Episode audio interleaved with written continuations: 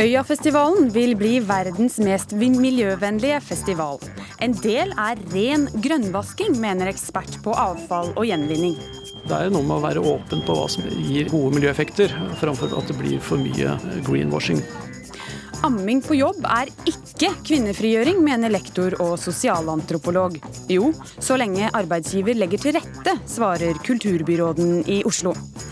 Og jeg har blitt mindre avhengig av mobilen etter to år med mobilforbud på skolen, sier 16-åring. Hun møter 15-åring som er helt imot mobilforbud, og det blir debatt. Hei og velkommen til ukeslutt i NRK P1 og P2. Jeg heter Marie Roksund. I denne sendinga skal du også få høre en splitter ny rap. Eh, og der kan jeg avsløre et par stikkord. Det handler om Iran, og det handler om ferie. Og det kan være at du får den på hjernen. Men først skal vi høre om ungdommene som har vært på ferietur i Hellas.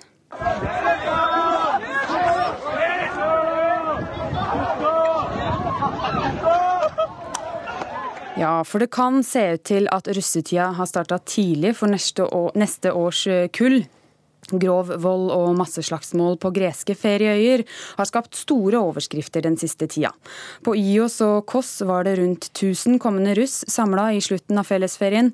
Samtidig som enkelte av ungdommene havna i slagsmål, tjener flere utenlandske selskaper godt på betalingsvilje norske skoleelever. Tor Wallin Andreassen, du er professor i markedsføring og innovasjon ved Norges handelshøyskole. Du mener russen utnyttes av kommersielle krefter. Hvordan da? Ja, Dette er et veldig sånn særtilfelle av et marked. Altså vi, vanligvis har vi hatt en bedrift som lever av kunder som da kjøper tingene dine og så vil gjerne kjøpe det igjen. Jeg kaller dette russemarkedet for en sånn ren turistfellemarked, altså som er kjennetegnet av at nye kunder, ca. 45 000 avgangselever, kommer ut i markedet hvert år. Som skal kjøpe russefekter og opplevelser. Samtidig så kommer de gamle kundene aldri tilbake. Og det vil si at Vi har et marked hvor det ikke er noe læring, det er ikke noe hukommelse. Og vi får ingen tilbakemeldinger om kvalitet på de levererte produktene eller tjenestene. Og Dette utnytter disse her aktørene i dette markedet til fulle. Så lenge ikke de slipper seg kundene sine igjen etter neste år, så kan de bare jage de nye med de middelmådige produktene og de tilbudene som de har. Og de har kun én ting for øye, det er å tjene penger. De har ikke noe interesse av om disse kundene har glede eller ikke glede av disse tjenestene. Derfor er det et veldig kortsiktig marked som krever da spesiell oppmerksomhet, og jeg nesten si også delvis regulering. Alfred Rangul Ryvarden, du var PR- og pressesjef eh, for russens hovedstyre i 2018, så du har akkurat vært russ. Er du enig med professor Andreassen her i at det er enkelt å tjene penger på russen? Du kan jo si Det sånn at det er jo veldig mye nye selskaper som startes opp hele tiden, eh, som kanskje ikke har helt kompetansen det kreves selv. Og det er jo slik at hvert, eh, hvert, år så kommer det nye kunder inn der, så jeg vil si meg ganske enig i at det er lite, det er lite konkurranse. Eh, noe jeg gjerne skulle sett mer av. Det å sette Konkurransetilsynet på russemarkedet hadde, blitt, eh, hadde vært morsomt å se. Ja, eh, Andreassen, Hva er den største utfordringen med å regulere russemarkedet? Du var inne på det, men kan du utdype det? Vel, dette er jo et marked som alle andre. Vi må respektere det at bedrifter skal og, og må tjene penger. Men det som da samfunnet ofte stiller krav til, det er måten man gjør det på. Og her har vi, altså I Norge og jeg har liksom kastet frem tanken om at i Norge så har vi et ønske om å beskytte barn. og det vil si Vi har en egen lovgivning som går på markedsføring og pådytting av produkter til barn, dvs. Si mennesker under 18 år. Og vi kan, Politikerne kan liksom da strekke denne tolkningen altså av yngre barn opp mot barn som er 16-17 år gamle, og ta en tilsvarende tolkning. altså Dvs. Si for å beskytte de mot eller pågående og aggressive aktører. Vi vet jo at noen av disse russeproduktleverandørene rekrutterer elever på videregående skole for å selge produkter mot kommisjon til sine egne medelever. Altså da, så det, er, det er ting vi kan gjøre for å regulere det.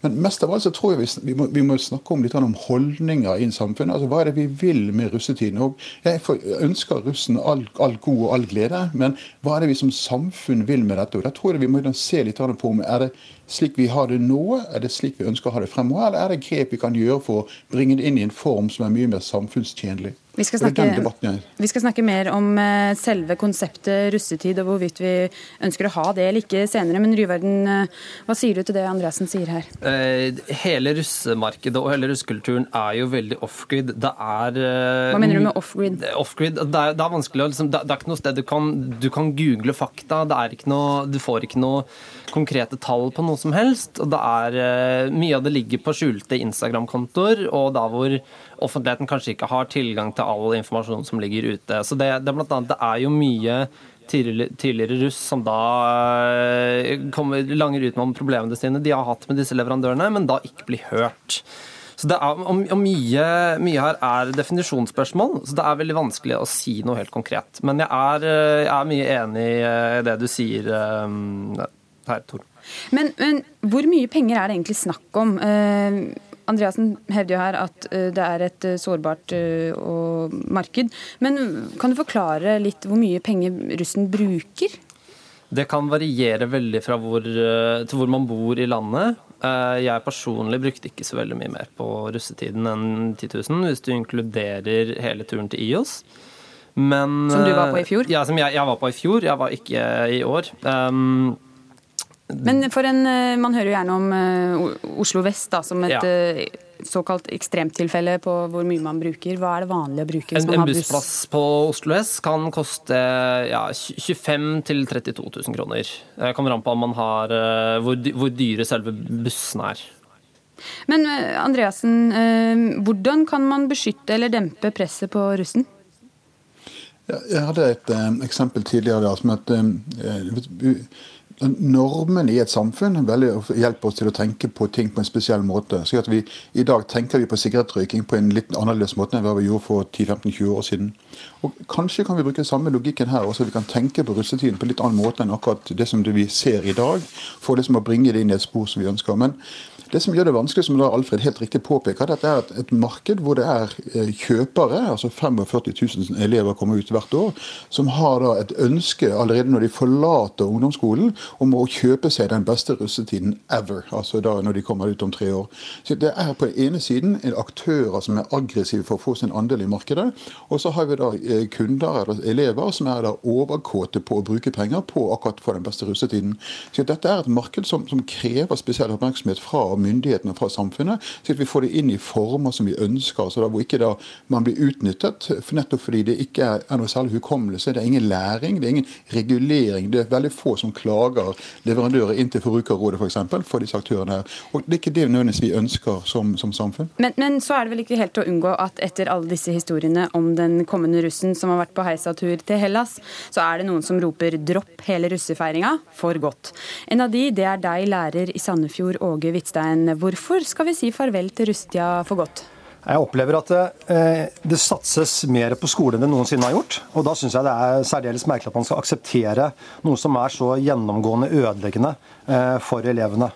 Eh, jeg har svært mange elever som får mye dårligere karakterer i forbindelse med russetiden pga. fest og andre ting.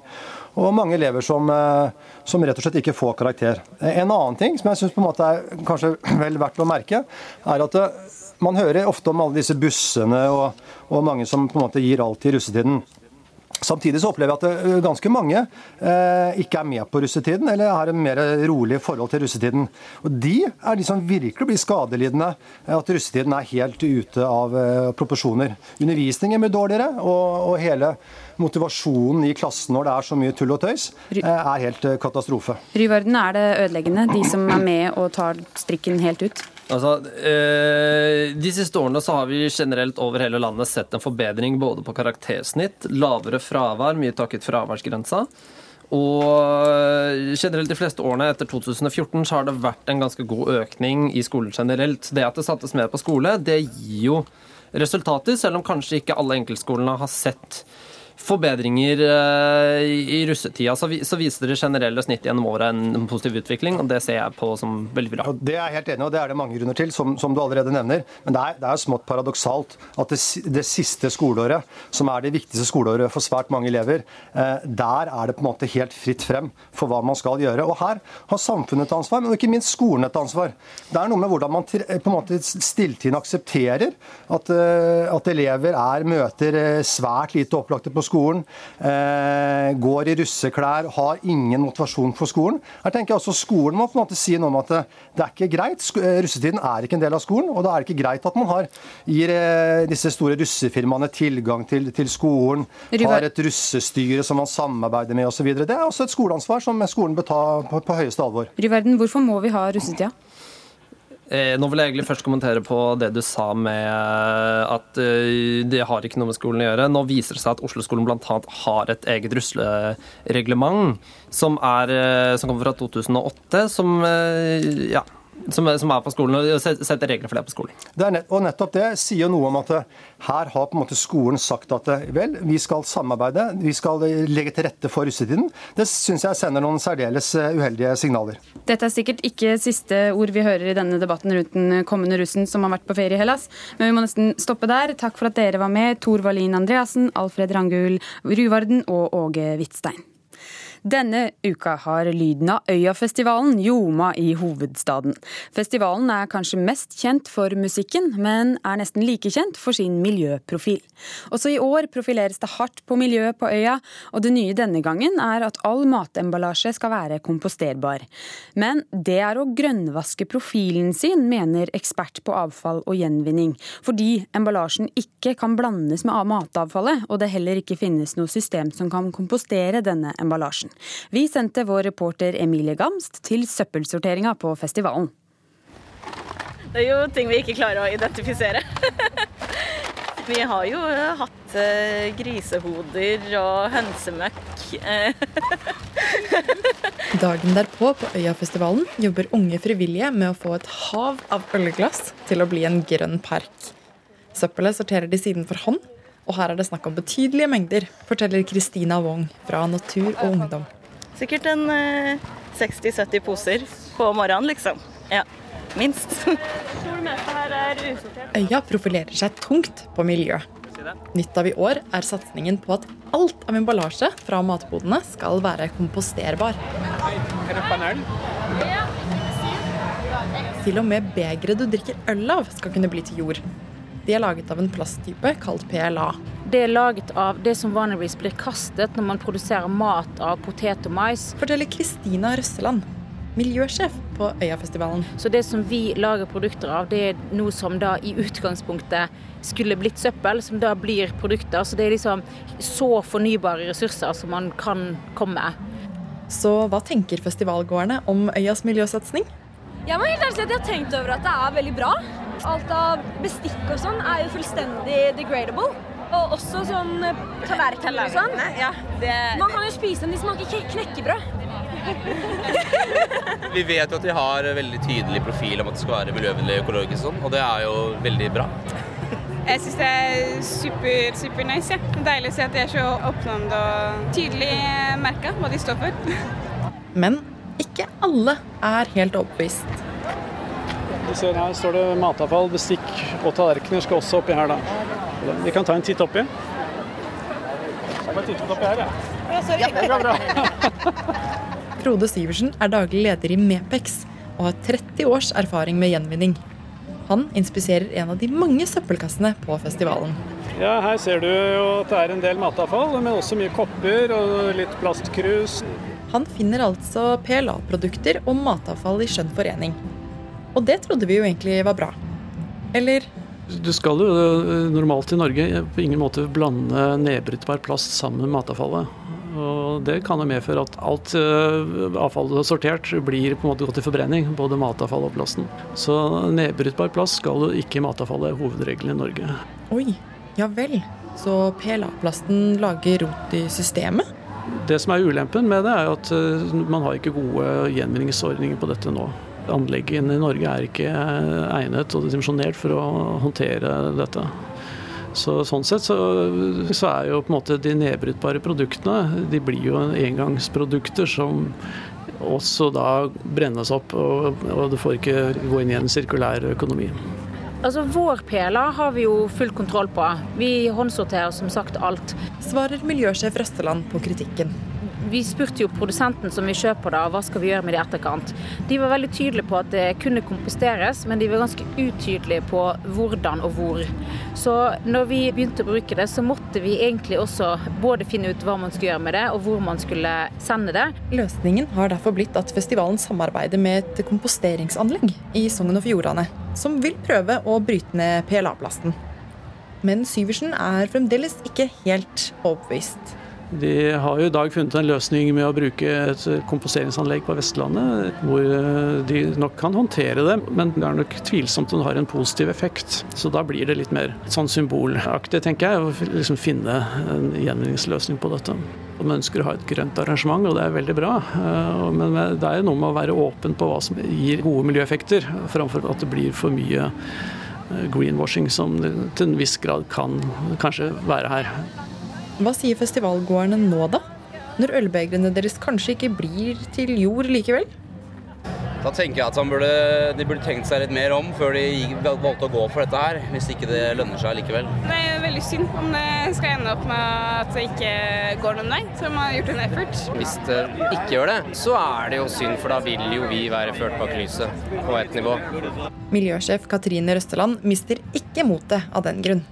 Altså, det som er når man driver sånn litt i front med innovasjon og nye løsninger, er jo det at eh, man vet jo ikke før man har prøvd. Men hos oss er det liksom litt viktig at vi ikke skal stoppe prosessen bare fordi at vi kanskje tror at det ikke går. Det er så sårt når man får kritikk for at man har lyst til å endre systemet. Men det, det er ikke sikkert heller at alle de løsningene vi prøver er perfekte, men vi har lyst til å prøve. Og blant festivalgårdene lever idealismen i beste velgående. Den som ikke skyter, intet vinner, ikke sant? Det er jo bedre å prøve noe nytt og se om det funker, heller enn å holde på det samme gamle. Hva tenker du? Det hun sa. I natt la Sandberg ut et bilde av seg selv og kjæresten Letnes på Facebook, der de holder hender, og Sandberg har skrevet 'Vi står til Davre faller', til tross for all kritikken som har kommet den siste tiden. Her i ukeslutt blir det premiere på en aldri så liten Per Sandberg-rapp litt seinere i sendinga. Men før det skal det handle om amming og jobb.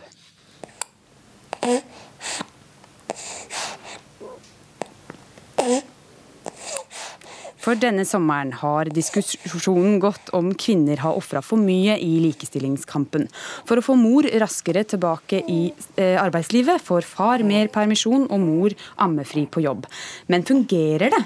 Jeg har aldri møtt en mor som har det bra med fulltidsarbeid og amming. Det skrev du i Dagsavisen, Tonje Jacobsen Lorås. Du er lektor og sosialantropolog.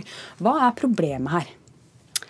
Uh ja, jeg har en klar oppfatning av at det å amme et spedbarn og være i fulltidsarbeid ikke er en god kombinasjon. Eh, praktisk tilrettelegging og rettigheter er veldig viktig for alle. Men realiteten er eh, en annen for mange. Veldig mange jobber langt unna arbeidsplassen f.eks. Hva er realiteten? Jeg tror eh, veldig mange opplever at denne situasjonen gir grobunn for krysspress. At de ikke strekker til verken hjemme eller på jobb.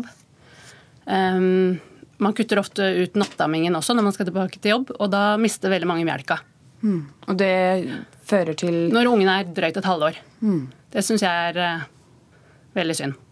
For en som uh, har en litt annen oppfatning av situasjonen, det er deg, Rina Mariann Hansen. Du er Oslos kulturbyråd for Arbeiderpartiet. Hva mener du?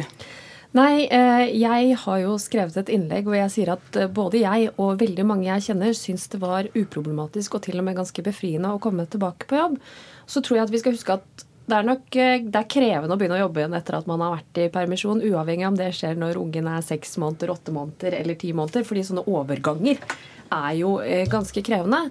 Mitt hovedpoeng er at arbeidsgiver må ha et større ansvar, ta et større ansvar utover de lovene som finnes, de rettighetene vi har, for å legge til rette for at kvinner kan både amme sine barn og være på jobb. Er du enig i det? Skal eh, arbeidsgiver tilrettelegge mer? Absolutt. Og så er det helt essensielt når denne overgangen kommer. Eh, jeg er feminist, og dette forslaget fremmer ikke likestilling. Når det gjelder likestilling, så er det veldig viktig å skille mellom forhold der menn og kvinner stiller likt, og der forholdet er ulike. Forklar mer. Jeg syns at eh, det er veldig viktig å tenke, vite at eh, våre fysiske særegenheter, fantastiske fysiske særegenheter, er da virkelig ikke noe vi skal settes fri fra. Og det er på høy tid at amming anerkjennes på linje med møtevirksomhet.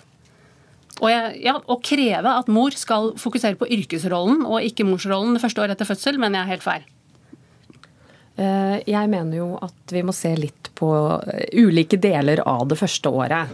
Eh, vi skal huske at Norge har en av verdens rauseste foreldrepermisjonsordninger. Det er ikke veldig lenge siden vi knapt hadde rettigheter som det vår generasjon kvinner har. Det var en viktig kamp for kvinnebevegelsen i Norge, for fagbevegelsen i Norge. Nå har man mulighet til å ha 49 uker med 100% lønn, hvorav 15 av dem er forbeholdt far. Det betyr at man kan være hjemme som mor Eh, selv om vi også trekker fra de tre ukene som er før fødsel, til ungen er eh, godt og vel sju-sju og en halv eh, måned. Da rekker man fint å fullamme. Og innen da pleier de fleste å introdusere fast føde. Så det er helt mulig å kombinere, tror jeg, å være på jobb. Og å amme sitt barn fortsatt, mens en annen enn den biologiske moren har ansvaret for ungen, som regel pappa. Jeg mener også at det er kjempeviktig og bra i likestillingslandet Norge at fedre får en større og viktigere rolle overfor sine barn. Nedvurderer vi amminga? Nei, jeg tror ikke vi gjør det. Jeg tror generelt at vi snakker for lite om amming, for lite om barsel, for lite om kvinnehelse i den offentlige debatten. Jeg tror det er viktig at det tas opp. Derfor syns jeg også det er bra at vi har denne debatten. Og vi skal jo anerkjenne at det å eh, å få barn og barseltid gjør noe med kvinner, og at det er annerledes å komme tilbake. Det er jo ikke bare som å skru av en knapp, og så, og så eh, er du den samme. Eh, men jeg tror også nettopp pga. det at vi skal kreve mer. Både vi som kvinner, vi som mødre og, eh, og menn i samfunnet. For at det legges til rette for at man kan kombinere det å være forelder og det å være ansatt. Jacobsen Lorås, eh, du mener at noe av poenget er at situasjonen for mor og far det første året eller den første tida er ulik med tanke mm. på fødsel, barseltid, barseltid, og ammeperiode. Men hva er da fars, hva er da mm. fars uh, rolle fars den første rolle er veldig viktig. Jeg må bare si at Implisitt i dette forslaget så skal jo barna også er jo tenkt å gå i institusjon når de er ni måneder. Nå er det jo sånn at For øvre middelklasse så er det muligheter for å selge en hytte eller en bil og ta ulønna permisjon, men dette er jo ikke virkeligheten for alle. Ehm, så er det sånn at eh, veldig mange fageksperter, eh, både utviklingspsykologer og barnehageansatte, mener at dette er et sosialt eksperiment og potensielt skadelig for små barns sosiale utvikling. Bør ikke dette bekymre oss? Men ja, Du skal få svare kort på det. Eh, Dette ligger jo implisitt ja, i Det ligger i et utvalg som har vært oppe. Den utvidelsen som har skjedd av fedrekvoten fra nå, eh, gjør jo ikke det. Nå er det fortsatt 49 uker med 100% permisjon. Så, er det, så fortsatt så, så skal barn i barnehagen før det er ett år. Og så er det fortsatt ikke helt uvanlig at uh, man tar ferie i forlengelse av permisjonen. Uh, og da er vi oppe i fort vekk 59 uker. I tillegg kan man jo, hvis man er opptatt av å være hjemme lenger, ta 80 lønn, og da er vi oppe i 69 uker. Sånn at det er jo Men, For de fleste så er det Realiteten er vel at ettåringer er tenkt inn i barnehage etter dette forslaget? Eh, dette, nå, er det vel, nå er det sånn at man har 40, mulighet til å ha 49 uker med 100% permisjon. Det er en veldig eh, raus permisjonsordning. Mye lenger enn man hadde bare for få år siden. Da fedrekvoten blei utvida under den rød-grønne eh, regjeringa fra fem uker til tolv uker, så var det en økning som blei lagt på den eh, totale tida man hadde i foreldrepermisjonen da. Sånn at å si at man skal fjerne fedrekvoten eh, for å gi det over til en fellesdel, er jo implisitt også å fjerne en rettighet. Men den tar vel ikke, til, den tar vel ikke hensyn til forskjellen på mor og far? Den fedrekvoten som ble innført, eh, ble innført for ganske få år siden. Og da var det en utvidelse av totalpermisjonen. Det tror jeg også vi skal ta med oss. At den utvidelsen hadde nok ikke skjedd. Den pappapermen som vi i dag har, hadde nok ikke vært der hvis det ikke hadde vært en utvidelse av den totale permisjonstida. Helt Helt til slutt, du mener at, eller Når mener du det hadde vært ideelt for barn? Jeg er overbevist om at denne løsningen er et tapsprosjekt for helseregnskapet. Eh, min mulige løsning, skal jeg si den? Seks måneder mødrekvote, seks måneder fedrekvote, seks måneder fellesdel. Jeg mener ikke barn har noe i institusjonen å gjøre før de er minst 18 måneder. Så foreslår jeg også sekstimersdag for den som er på jobben. Og denne investeringen den har vi råd til i et av verdens rikeste land.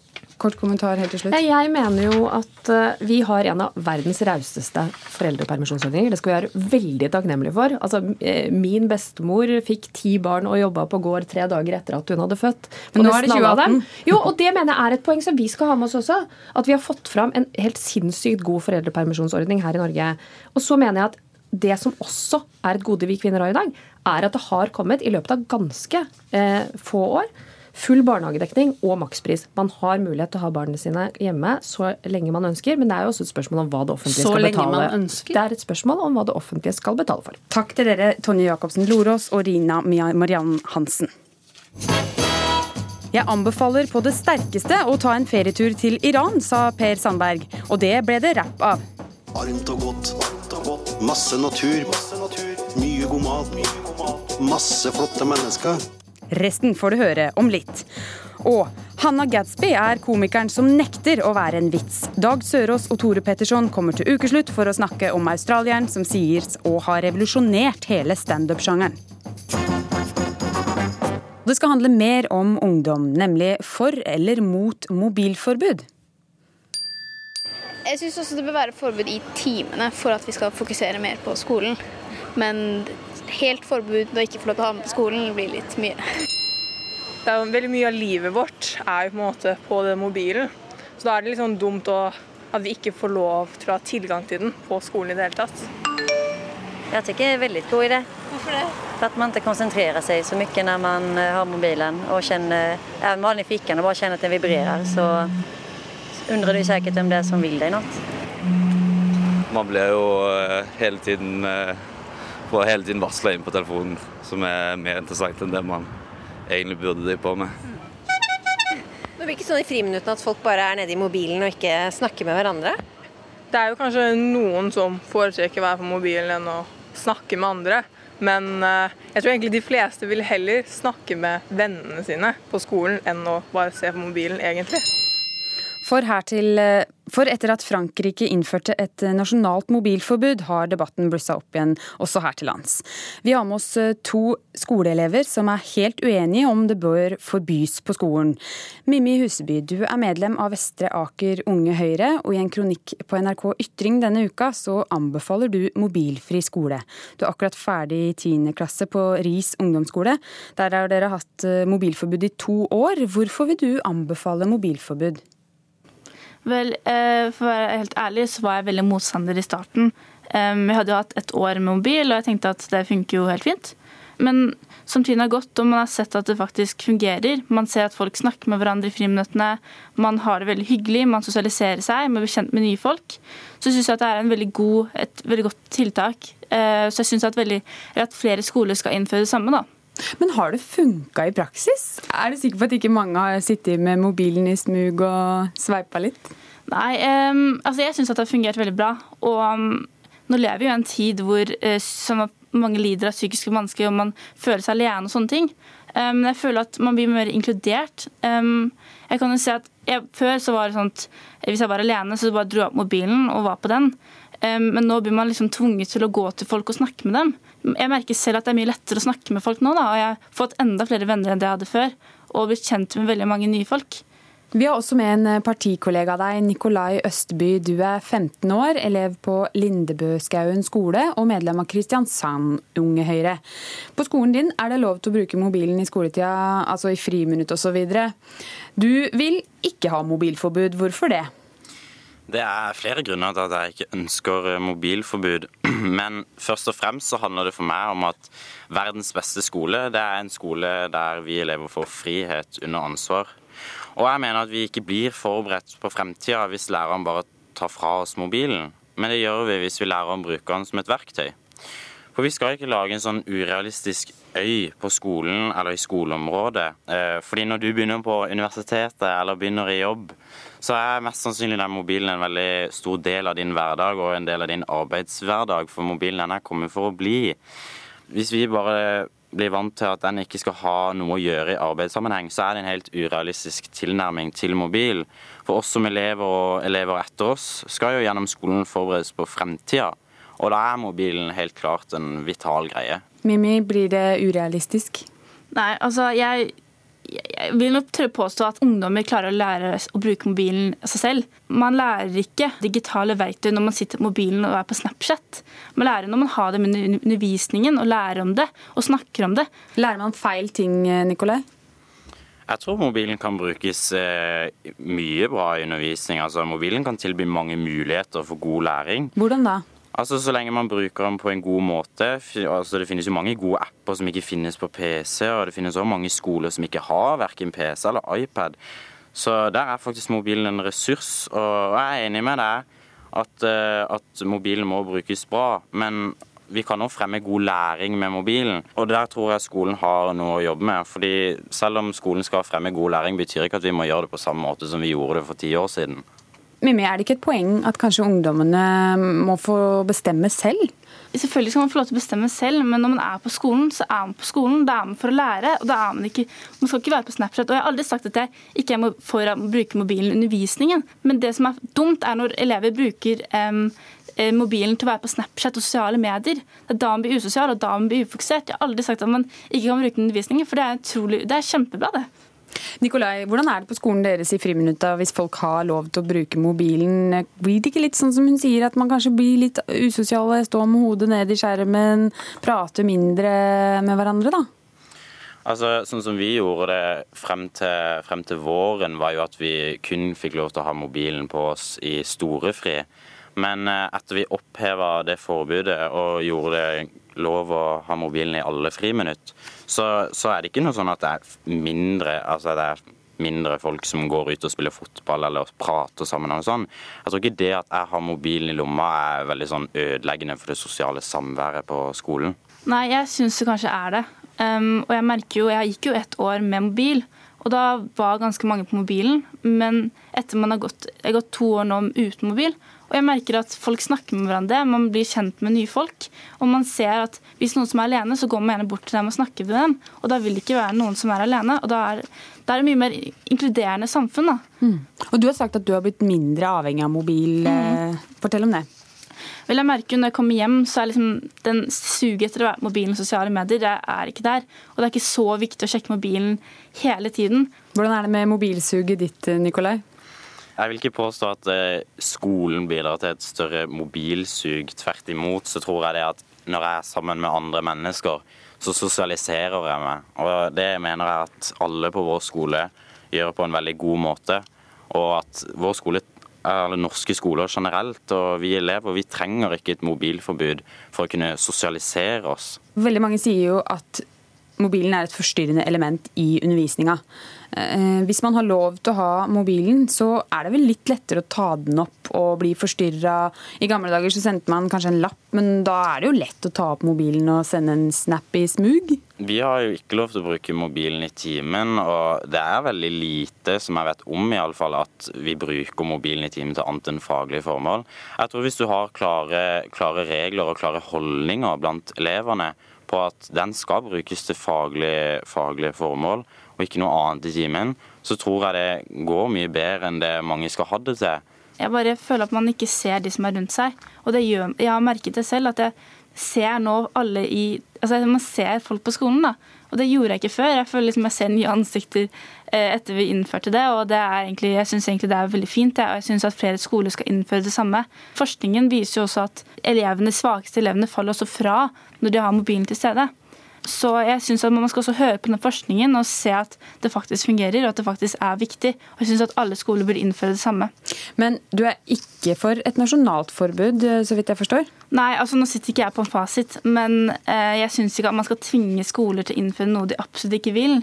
Men jeg syns at man skal oppfordre alle skoler til å innføre det samme, fordi jeg syns det er utrolig viktig å få frem hvor utrolig bra effekt det har på samfunnet, eller skolesamfunnet og miljøet. da. Og det er du enig i, Nikolai. Du vil heller ikke ha et nasjonalt uh, forbud? Nei, jeg har tillit til elever eh, og rektor og det fantastiske elevrådet vi har i norsk skole. Jeg mener de kan komme til, frem til gode løsninger på sin egen skole, og det tror jeg ikke Stortinget kan gjøre på samme måte på hver enkelt skole.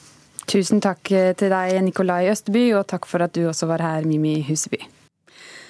Det stormer fortsatt rundt Per Sandbergs Iran-ferie, og i går kom det frem at PST, etter det NRK forstår, har starta undersøkelser av bakgrunnen til Sandbergs kjæreste Bahare Letnes, og eventuelle bånd til det iranske regimet. Men til tross for kritikken som har kommet den siste tida, skrev Sandberg i natt 'Vi står sammen til Dovre faller', da han la ut et bilde av seg og Letnes på Facebook. Lyddesigner i NRK, Vidar Brennodden, har laga denne Per Sandberg-rappen for oss. Flere har reagert på at fiskeriminister og Frp-politiker Per Sandberg valgte å legge ferien sin til Iran. Det er Per Sandberg som har vært på en ren feriereise til Iran, og den tok jeg adhoc. Nå kan ikke jeg gå og trampe vannet i Oslo. Pinadø, nå tar vi oss en tur til Iran. Varmt og godt. Masse natur. Mye god mat. Masse flotte mennesker. Bade i Det kaspiske hav. Anbefaler på det sterkeste å ta en ferietur til Iran. Så varmt og godt. Masse natur. Mye god mat. Masse flotte mennesker. Sto på vannsky ute i Det kaspiske hav. Kosa meg. Anbefaler på det sterkeste å ta en ferietur til Iran. Irans regime er blant verdens verste når det gjelder brudd på menneskerettighetene. Verdens verste. De kvinner som fjerner hijaben, flere av dem har blitt arrestert og dømt til fengsel. Arrestert og dømt til fengsel. Mens Sandberg har vært i Iran i juli, så har iranske myndigheter henrettet mer enn 30 personer. 30 personer henrettet. Mer enn én person daglig. En person daglig. Og så anbefaler jeg deg på sterkeste å ta en tur til Iran. Varmt og godt. Masse natur. Mye god mat. Masse flotte mennesker. Sto på vannski ute i Det kaspiske hav. Anbefaler på det sterkeste å ta en ferietur til Iran. Og den tok jeg adhoc. Med på turen var altså du, Bahare Letnes. Har vi feil oppfatning av Iran, mener du? Ja, det er helt feil. Iran har ikke så mye sharialov. Det er Saudi-Arabia som har mye sharialov. Man kan si 20-30 er sharialoven. Hvor mange som blir pisket hver dag, det er få. Bare én eller to. Bare én eller to blir pisket. Pinadø, nå tar vi oss en tur til Iran. Varmt og godt. Masse natur. Mye god mat. Masse flotte mennesker. Iran er et flott land. Anbefaler på det sterkeste å ta en ferietur til Iran. Og varmt og godt. Masse natur. Mye god mat. Masse flotte mennesker. Bade i Det kaspiske hav. Anbefaler på det sterkeste å ta en ferietur til Iran. Per Sandberg har brutt det regelverket vi har. Det er menneskelig å gjøre feil. Jeg har fortsatt tillit til Per Sandberg. Og så får vi nå gå videre. Det var lyddesigner i NRK Vidar Brennodden som laga denne rappen. Den australske komikeren Hannah Gatsby har brukt mye av karrieren på å vitse om sin eh, lesbiske legning. Så trodde hun at hun kom til å drepe sin egen karriere da hun midt i et show tok et oppgjør med sin egen vitsing. Men det motsatte skjedde. Gatsby ble superkjendis, hun ble invitert inn på store talkshow som The Tonight Show med Jimmy Fallon, og alle de store magasinene hylla henne. Vanity Fairs kalte showet banebrytende, Washington Post skrev bemerkelsesverdig, og New York Times beskriver Gatsby som en stor, ny stemme i komedie. Vi har med oss dere Tore Petterson og Dag Sørås, velkommen hit. Takk. Takk. Vi skal høre om hva som er så spesielt med denne forestillingen om litt, men aller først la oss høre hvordan Gatsby begynner showet med å fortelle om morens reaksjon da hun kom ut av skapet. The, the centerpiece of that show was coming out to my family, and particularly my mum. Her response was this. She's just going, Oh, Hannah. Why did you have to tell me that? I mean, what if I told you I was a murderer? Gatsby forteller her at moren sa 'hvorfor måtte du fortelle meg det', hva om jeg fortalte deg at jeg er en morder? Men etter at folk har ledd godt i 20 minutter, så skjer plutselig dette. It's humiliation. I put myself down in order to speak, in order to seek permission to speak. And I simply will not do that anymore, not to myself or anybody who identifies with me. Jeg har ydmyket meg selv for å få lov til å snakke, sier Hannah Gatsby her. Tore Petterson, du er komiker og ble en folkefavoritt i NRK-serien Sofa, og reiser også rundt med foredrag om mobbing. Hva er det hun gjør her? Nei, det hun gjør, er at hun tar et oppgjør med at uh, vi ofte, eller jeg i hvert fall føler veldig ofte at jeg må uh, tilpasse meg uh, det heterofile samfunnet for at de skal godta meg. Vi, som homofil føler jeg at jeg blir veldig godtatt så lenge jeg er morsom og flink til å ordne hår og løpe rundt og style folk i klær, og at vi har noen sånne regler som er satt på oss. da, så, så lenge jeg holder meg innenfor det, så er det greit. Og jeg merker jo veldig når jeg legger ut noe gøy på Facebook, så får jeg 700 likes, og legger jeg ut noe som er viktig om Tsjetsjenia og at arbeidsleirene for homofile der nede, og at homofile blir drept. Da får jeg plutselig bare to. Så det er noe med at vi står litt aleine når vi kommer til et stykke, da. Så det hun gjør, er at hun tar et oppgjør med det. Hun er litt lei av at vi skal le av alle tingene, og at vi alltid skal fortelle den artige versjonen av det, eh, men heller også kunne få lov til å bare si fra noen ganger at det er ikke greit, da. Eh, og det er ikke mer enn kanskje en måned siden hvor en kommer til å si jeg liker ikke homofile, men jeg syns du er en ok fyr. Og så tenker jeg skal jeg ta det som et kompliment? Det er forferdelig ting å si. Og så tøyser jeg det bort. Og så lager vi litt artige greier ut av det, og så er det egentlig ikke noe morsomt. Jeg blir egentlig veldig lei meg, så jeg har egentlig lyst til å skjelle dem ut, eller gjøre som hun gjorde, og bare fortelle dem uten å bli sint. Nå må du høre på hva du sjøl sier. Dette treffer deg. Det gjør det veldig. Mm. Vi har også med oss Dag Sørås, du er standup-komiker, men du er ikke så fan av sjangeren? Uh, for sjangeren standup elsker jeg. Nei, den, det grepet hun bruker da etter 20 minutter hvor hun plutselig slår om helt. Nei, altså For det første så vil jeg si at jeg syns showet både var morsomt og intelligent og engasjerende. Så hennes personlige historie er jo, er jo uangripelig. Uh, mitt problem er at hun har noen påstander om humor som jeg er uenig i. Uh, for eksempel så er hele den ideen om at det nedverdigende å gjøre narr av seg sjøl når du er en del av en marginalisert gruppe, det tror jeg ikke stemmer i det hele tatt. Jeg, jeg tror at det menneskeliggjør det. Pluss at når du står på ei scene med en mikrofon, så er du allerede per definisjon heva over folk. Og når du gjør narr av deg sjøl, så kommer du ned på deres nivå, uansett hvilken gruppe du måtte tilhøre. Uh, og så har hun også den her ideen om at fordi hun, hun, hun, dekonstruerer jo humor på en veldig fin måte og sier at du bygger opp spenning, og så forløser du det. Og så sier hun at 'jeg er den spenningen'. Ja, men hun ser også ut til å mene at når du forløser det, så tar du alvoret ut av det. Og det tror jeg ikke stemmer i det hele tatt. Jeg tror det er det som gjør humor bra. Og jeg tror hun kunne fortalt alle de historiene hun forteller, på en sann måte med punchlines med vitser. Og ja, det der er jeg uenig Ja, for det er jo et eksempel i showet som går på Netflix, at hun uh, på scenen står og forteller først om en seanse, og så forteller hun hele sannheten etterpå. Kan du forklare det? Ja, hun har en historie om at hun blir konfrontert av en fyr som tror hun er mann, og som tror hun er juling, og så finner han ut at hun er dame, og da gir han henne ikke juling likevel. Og så har hun en vits på det, og så gjør hun på slutten et poeng ut av den sanne historien, som er at han ga henne juling. Og det er jo, det er jo sånn, eh, hva er ordet, dramaturgisk, så er jo det eh, et smart grep, og det er jo effektfullt. Poenget mitt er bare at jeg tror hun kunne fortalt at han banka opp på en morsom måte, for det er jo åpenbart en dyktig nok komiker til å gjøre. Mm. Uh, så, så, det er min innvending akkurat der. Men har det en pris? Ja, så det har jo en pris. Som komiker så det, det, det, det, er fordeler og bakdeler med ting. Du kan alltid gjemme deg bakom at jeg kødder bare. Men den andre sida er at du kan havne i en situasjon hvor folk tror du kødder hele tida, når du faktisk mener alvor. Mm. Uh, men jeg tror hun har jo åpenbart sitt eget publikum. Showet er jo filma på Operahuset i Sydney. Det, det, er mye folk der, så jeg tror hun har funnet hun har funnet sitt publikum, og, og, og da tror jeg de stoler nok på til at de skjønner at det er alvorlig, mm. selv om det er en vits på slutten. Tore, uh, hvordan kan humoren hjelpe oss i vanskelige temaer? Nei, Jeg tror det er viktig å, å le av ting. og, og um, For meg er det veldig terapeutisk å få lov. Jeg reiser med foredragene, jeg bruker masse humor. Kjente meg mye igjen i de tingene hun gjør. at Jeg liker å vende veldig på det. Vi har andre kvinnelige norske komikere, Tine Lise Olsen, Else Kåss Furuseth, som også gjør de samme tingene. Tar opp vanskelige ting og får oss til å le av det. Som er veldig terapeutisk, både for de som hører på, og, og for deg som står der på scenen. Men det er klart, jeg, det jeg på en måte ser at hun trenger her, er at jeg er en hvit norsk mann rundt 40. Jeg har ikke blitt misbrukt som barn. Jeg har ikke blitt voldtatt av menn i 20-årene. Jeg tror hun har et behov for å skrike for at folk skal høre. Eh, og det er det jeg også kjenner, at jeg syns det er veldig gøy å drive med humor.